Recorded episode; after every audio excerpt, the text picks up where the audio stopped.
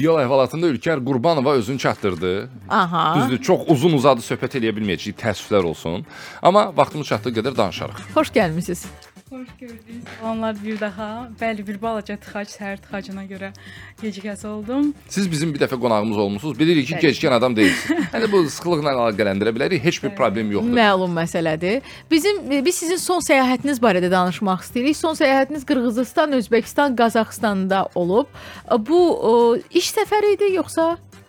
Bəli, əslində bu ə, hər ikisi birində deyə bilərik. Bildiyiniz kimi Biraz mikrofona yaxın əyləşin. Okay, biraz belə eləşim. Ə, Mənim hal-hazırda şəxsi bir kiçik işim var turizm sayəsində və ona görə də mütəmadi olaraq səyahətlər edirəm.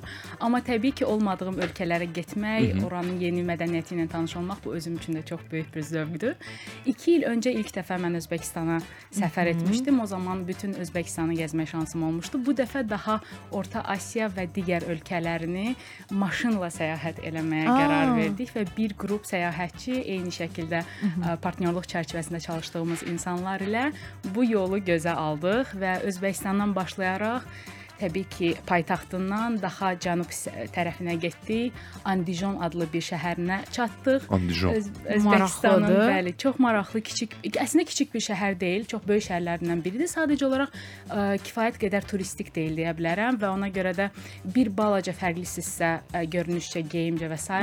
bütün insanlar demək olar ki, Sizə baxacaq. Hamı sizə baxır. Yəni fərqi yoxdur. Hətta uzun libasdasınızsa belə ki, Özbəkistana və ümumiyyətlə Orta Asiyaya gedən insanlara tövsiyə edirəm ki, xüsusən də qadınlarımız üçün bir balaca buna diqqət eləmək, onların mədəniyyətinə hörmət eləmək əlaməti olaraq ə, bir balaca vacibdir deyə Yəni bilərəm. geyimə fikir vermək lazımdır. Bəli, əslində- Fikir verməyəndə nə baş verir?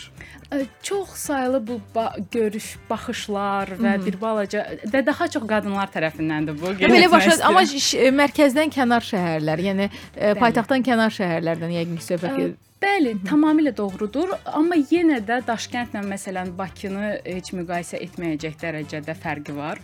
Ə, yəni ən azından mərkəzdə gəzirsinizsə və bir neçə nöqtəni əhatə edirsinizsə o başqa, amma biraz daha ə, fərqli bir yerlərə, məsələn, ə, yerli əhalinin yaşadığı yerə gedirsinizsə, bəli, o zaman biraz diqqət eləməyiniz. Yenə də mədəniyyət ə, Aha. baxış, baxış açısından, yəni mütləq deyil, yəni sizi daşqalaq eləməyəcək. Aydındır. Mən e, mənə sadəcə maraqlıdır. Bu e, qınaq baxışlarıdır, Maraq yoxsa baxışları. qınaq baxışlardır yoxsa maraq baxışlardır? Çünki bu periodu biz də keçmişik də. Bakı da keçib, Və yadınızdadırsa. bildiyimiz qədər Özbəkistan əslində ə, yetəri qədər, yəni belə deyək də ə, inkişaf eləmiş, yəni çox da rahat baxan bir ə, sakinləri olan bir yerdir. Xüsusən də son illər bu inkişaf tendensiyanın tendensiyasını müşahidə eləmək olur. Çünki xarici investorlara qapılarını Qapı- açıblar. İnsanlar daha çox sahibkarlar daha çox gedir orada iş qurmaq istəyir. Çünki münbit şərait var, eləcə də Azərbaycanlı sahibkarlar. Çox doğru, doğru vurğuladınız ki, sırf mənim də işlədiyim insanlarla biz görüşəndə, bir yerdə əyləşəndə və sair bu çox daha rahat keçir bu proses və hamısı çox rahat qarşılayırlar. Mən daha çox yerli əhalidən danışıram ki, məsələn, dediyim həmin şəxslərin biz ailələri ilə də dostluq eləyirik və birbaşa evlərinə get-gəl də başa çox qonaqpərvərdirlər, bir ekstra bir qonaqpərvərdirlər. Lakin öz insanlarının ə, bu da sadəcə dinlə əlaqələndirirəm mən bunu. Qınaq deyil, çox dindardılar, bəli.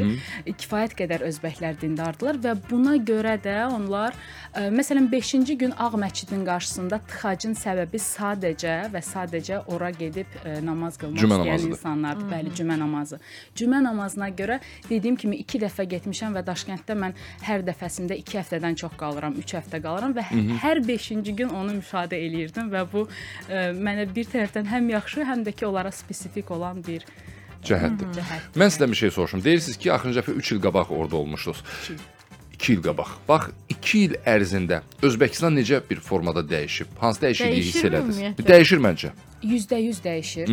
Çox dəyişib hətta deyə bilərdim. Keçən dəfə mən gedəndə daha ə, yenə də ə, lokal insanların, ə, məsəl üçün Broadway küçəsi var ki, bizim Nizami küçəsinə bənzər bir ə, mərkəzi bir yerdir. Sadəcə oranın hal-hazırda aktuallığı itib və daha çox məsələn onlar Disneyland kimi bir parklar artıq düzəltməyə başladı və orada ə, hətta özbəklərdən ə, savayı rusların məsələn daha çox hal-hazırda məskunlaşmağı da ə, görünür, qeydə alınır və o o səbəbdən ora artıq ə, daha modern bir yerlərə, yəni şəhərin daha belə bir ə, yerlərinə çevrilir. Bəli, orada bir balaca fərqlidir onsuz da yanaşma, amma dediyim kimi yenə də tutaq ki, ə, digər mə Broadway küçəsidir ə, və Bu Daşkənddən söhbət bu gedir. Daşkənddən gedir söhbət. Bəli, hətta oralara belə gedirsinizsə, ə, görürsüz ki, orada yaşayan insanlar və yaxud orada hətta gəzən insanlar belə fərqlidir ki, o şəhəri dediyim Andijan şəhərində hətta fərqli bir şey deyim. Mən çox uzun bir libasdaydım. Sadəcə hətta belə stil olaraq da sevirəm mən bəzən uzun libasları.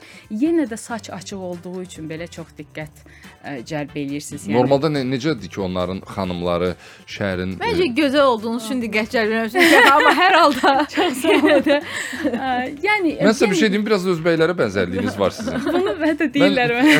Mən istəmədim deyim bunu. Sadəcə dedim, fakt budur da, yəni niyə deməyim ki? Bəli, ola bilər ki, yenə də deyirəm, qadınlar tərəfindən ə, saç açıq olduqda bir balaca və daha çox konservativ şəhərlərində bu hiss olunur. Yəni ən azından mən bunu hiss edirəm. Məsələn, Səmərqənddə bunu hiss eləməmişdim çox. Aha. Buxaranın özündə belə o qədər hiss eləməmişdim. Ə, amma bu Andijan tərəfdə ekstra bir hiss elədim, çünki hamı baxır, yəni və bu sadəcə nəsə bir fərqlilik, bu gözəlliyə aid deyil. Yəni hiss eləyirsən ki, onlar fərqləndirir səni Aha. özünkilərdən. marşrutunuz neçə gün çəkdi? Ə, uzun idi. Mən dediyim kimi şəxsi işlərimə görə də daha uzun qaldım. Ə, hardasa 1 aydan biraz çox qaldım, amma ə, sırf o ə, yol ə, belə Aha, belə deyim, yol, yəni yol hardan özü hara? hardasa ə, 15-16 gün təxminən çəkdi. Bu ə, bütün ə, Özbəkistan digər ölkələrlə bərabər yoxsa tək Özbəkistandan söhbət gedir? Özbəkistan elə bil Daşkənddən çıxdığımız ə, gündən və bir daha Daşkəndə qayıtdığımız günü hesablayıram. Aha, başqa ölkələrdə daxil olmaqla Bəli, bəli. Hı -hı, bütün 15 qır, bütün Qırğızıstanı düşünün ki, ə, Andijondan biz Qırğızıstanın ə, şimal paytaxtı, cənub paytaxtına getdik. Bu Oş şəhəridir. Çox məşhur bir ə, onların şəhəridir. Oşdan başlayaraq isə bütün Perival Aşırım. Aha, aşırım. Çox sağ olun. Və möhtəşəm onların mənzərələri var. Yolda görürsüz müxtəlif yurtalardır. Yurtalar bilirsiniz də onların tarixi yaşadığı yerlərdir və daha çox bunu Qırğızıstanda görə bilərsiniz ki, bu sadəcə Qırğızstana xas olan deyil, həm də Qazaxstana xas olan bir ə, yaşam, Yaşam tərzidir. tərzidir. Amma Qazaxlar daha çox dəyişib və daha avropalaşıb deyə düşünürəm, nəinki Qırğızstana nisbətdə. Aha, aha. Ə, Hətta orada lokal və yerli əhali ilə də tanış olduq. Sırf o ə, yurtalarda yaşayan. Necə bir yerdə o yurtalar? Çox gözəl. Əslində belə öz ə, özünə məxsus bir gözəlliyi olan, yəni özlərinə xas olan bir yerdir. Təbii ki, o ə, şəraitə və o hava şəraitinə öyrəşməli olmalısınız, çünki çox soyuqdur. Özləri də yayın, məsələn, mən yayda səyahət elirdim. Yenə də yayda belə ə, maksimum 10-12 dərəcə isti ola bilər orada. Kifayət qədər soyuqdur, həm də dağ havası. Amma özləri yay başlayandan köçürlər və hətta biraz ə, yaz aylarında, may aylarında və oktyabra kimi orada qalırlar. Əslində bizdə də rayonlarda belə bir şey müşahidə eləmək olur, amma sırf yurtaların qurulmağı onlara xas olan bir mədəniyyətdir. Ülker xanım, e, indi belə bir eksperiment keçirsək ki, insanlar arasında bir Avropa, bir də e, Orta Asiya ölkələri və ya sırf e, Qazaxstan, Qırğızistan və Özbəkistandan söhbət gedirsə, mən e, düşünürəm, sadəcə fikrim bundan ibarətdir ki, insanların bir 80-90%-i məhz Avropa e, turunu, səyahətini seçəcək. Siz bizə bir əsas deyin ki, düzdür, Özbəkistan özü də tarixi bir yerdir, Qazaxstan da həmçinin, amma Özbəkistan tarixlə daha doludur, zəngindir. Bu baxımdan e, tarixi bir kənara qoysaq, e, başqa hansı turizm istiqamətləri üçün açıqdır və orada istirahət eləmək olar. Nəyə görə ümumiyyətlə mən belə soruşardım sizə. Hə, Nəyə görə getmək lazımdır? Çünki çox adam yenə də deyirik də Avropaya üz tutur Aha. səyahətdə. Yaxşı Avropanı gəzdik gördük, amma maraqlı yerlərdir lazım. Sadəcə Özbəkistan həm həmişə ağlımıza gələn bir yer deyil. Nəyə görə görməliyik? Bir neçə Nə dəfə bir neçə dəfə Nərminlə burada e, mübahisə hazırlaşmışıq. hazırlaşmışıq ki, məsələn hətta bir dəfə götürdük bilet almağa kimi getdik. Baxdıq ki, Sadəcə son anda dayandıq. Aha. Söz açığı. Dayanmayın. Məsləhətim odur ki, Avropa çox gözəldir, bu başqa. Təbii ki, hamı gedir, görür, Aha. ə, bu yaxşıdır. Müqayisə Aa, eləməyək, elə Ha, okey. Aha. Elə ölkələrdə desək ilk mənim səbəbim sırf təbiətdir. Özbəkistan deyin. Ə, sırf Özbəkistan Çünki mən tarix. mənim belə bir arzum var Özbəkistanla Məndə bağlı. də Özbəkistan sırf tarixə görə getməlisiniz və mütləq şəkildə Səmərqəddən Buxaranı, Buxaranı mütləq Tərbəyə hətta vadisi. Xivəyə gedin. Əgər Xivəyə, elə hı, bir hı. şansınız düşsə, Xivə bir balaca daha uzaqdır, amma şansınız varsa gedin. Yəni bu ə, orada olan Səmərqəndi biraz hələ restavrasiya eləyiblər, amma Buxara hətta əl deyilməmişdi. Sonra gedəndə elə bir 10-12-ci əsrə düşürsüz hardasa, yəni ən yaxşı halda və ümumiyyətlə ə, şəhərdə alçaq binalar görə bilmirsiniz. Yəni hamısı necə elə bil dikilibsə, elə də qalıb. Yəni bütün insanların, əhalinin məşğuliyyəti belə onların elədir. Maşınlara kimi siz lüks bir maşın görə bilmirsiniz, yəni Buxarada.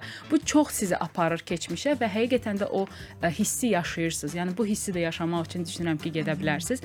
Və sadəcə Özbəkistandan demək istəyirəm, çox kiçik olaraq Qazaxstandan da demək Buyurun, buyurun. istəyirəm.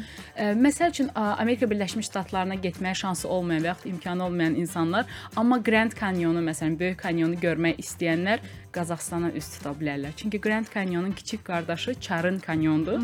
O Almatıdan sadəcə 300 kilometr uzaqlıqda yerləşən bir yerdir və möhtəşəm bir yerdir. Çünki çox fərqli bir aurası var oranın da. Elə bil ki, elə kanyondasınız siz. Aha. O da təbii ki, tarixən yaranan, əvvəl ə, göl olan, daha sonra çayla yaranan bir qalalardır ə, və bir dağdır belə deyək. Çox gözəldir. Eyni şəkildə gölləri, Kandi ə, və ə, Köl, Ko- Kolsay gölləri var. Kolsay ümumiyyətlə 3 dənə göldür fərqli və 2, 3 və 5 hündürlükdə olan yerləşən göllərdir və hiking eləməyi sevirsinizsə mütləq şəkildə gedə bilərsiniz və həqiqətən də elə bilirsiniz ki, şəklin içindəsiz. Yəni o qədər gözəldir. Yəni təbiətlə mən sırf təbiətinə vuruldum Asiyanın və bu çox böyük bir səbəbdir məncə getmək. Özbəkistan isə sırf tarixdir.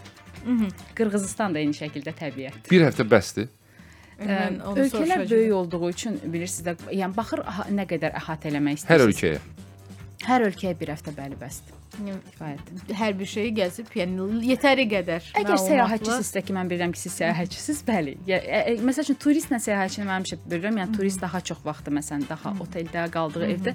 Əgər səhər tezdən çıxıb bütün gününüzü ayırırsınızsa ki, gəzməyə bəli, yetər yetəri olacaq. Yəni sırf məsələn sadəcə Səmərqənddən ə, Daşkənddən Səmərqəndə amma hardasa uzun yol var. Yəni qətərlə getsəz, ən tez gedən qatardan yəqin ki 4 saata düşünürəm ki, çatacaqsınız ən tez. Aha. Yəni biraz uzun olsa daha uzun, Uzun ola bilər. Ə, eyni şəkildə mən məsəl üçün orada maşınla getmişdim. Çünki vəbşə ümumiyyətlə sevirəm ə, yolu Maşınla izləməyi. necə? Nə qədər E, müddət? Maşınla biraz daha uzundur. Uzun Hətta çək- 6 saat, 7 saat çəkir. E, dediyimiz kimi dayanmağınıza bağlıdır. Amma Sadəcə hər qatar. tərəfdə o yolda gördüyünüz yerlərdə də dayanmağın özünün də bir Bəli, gözəlliyi var. hə? Bəli, tamamilə razıyam. Maşın kirayə idi. Özbəkistanda bəli kirayə idi. Şərtlər necədir? Ra hə, qiymətlər necədir? rahatdırmı? Yaxşıdırmı? Chevrolet, bilirsiniz onların öz istehsalı var. Aha. Ona görə də şəhərdə sadəcə Chevrolet görə bilirsiniz. Yəni e, Özbəkistan e, istehsalı olan və 25 dollardan başlayaraq hətta biraz 20-yə də bəlkə taparsınız, amma komfort məsələsidir. Məsələn, bizim götürdüyümüz 40 avro idi günü. E, Onu bütün elə belə Orta Asiyada və bizi ümumiyyətlə yolda qoymadı maşın. Yəni demək istəyirəm ki, istehsalları kifayət qədər normaldır, yəni inamarka. Özbəkistana getməyin üçün ən yaxşı vaxt. Yayda getməyin. ya yaz, ya payız. Aha. Ya yayın axırı, çünki yay dəhşət istidir. Dubay kimidir temperaturları 40-45 dərəcə olur. Ona görə də avqustun axırı, sentyabrın əvvəli hətta Ən yaxşı və oktyabra kimi gedə bilərsiniz. Eyni şəkildə aprel, may ayları da kifayət qədər yaxşı. Allah. Ülkər xanım, çox maraqlı, həm söhbətsiz. Çox təəssüf olsun ki, biz sizlə uzun söhbət edə bilmədik. Alınmadı. Bilmirəm, gəlin dəfə bunu nəzərə alaq. e, mən sizdən xahiş edəcəm ki, bunu nəzərə alas- alasınız. Təəssüf olsun ki, biz o lap belə dərinliyə gedə bilmədik. Vaxtımızın azlığı səbəbindən. Amma yenə də sizə minnətdarıq. Təşəkkür edirik ki, bizi qırmadınız. Necə deyirlər, türklər demişkən gəldiniz, dəvətimizi qəbul elədiniz.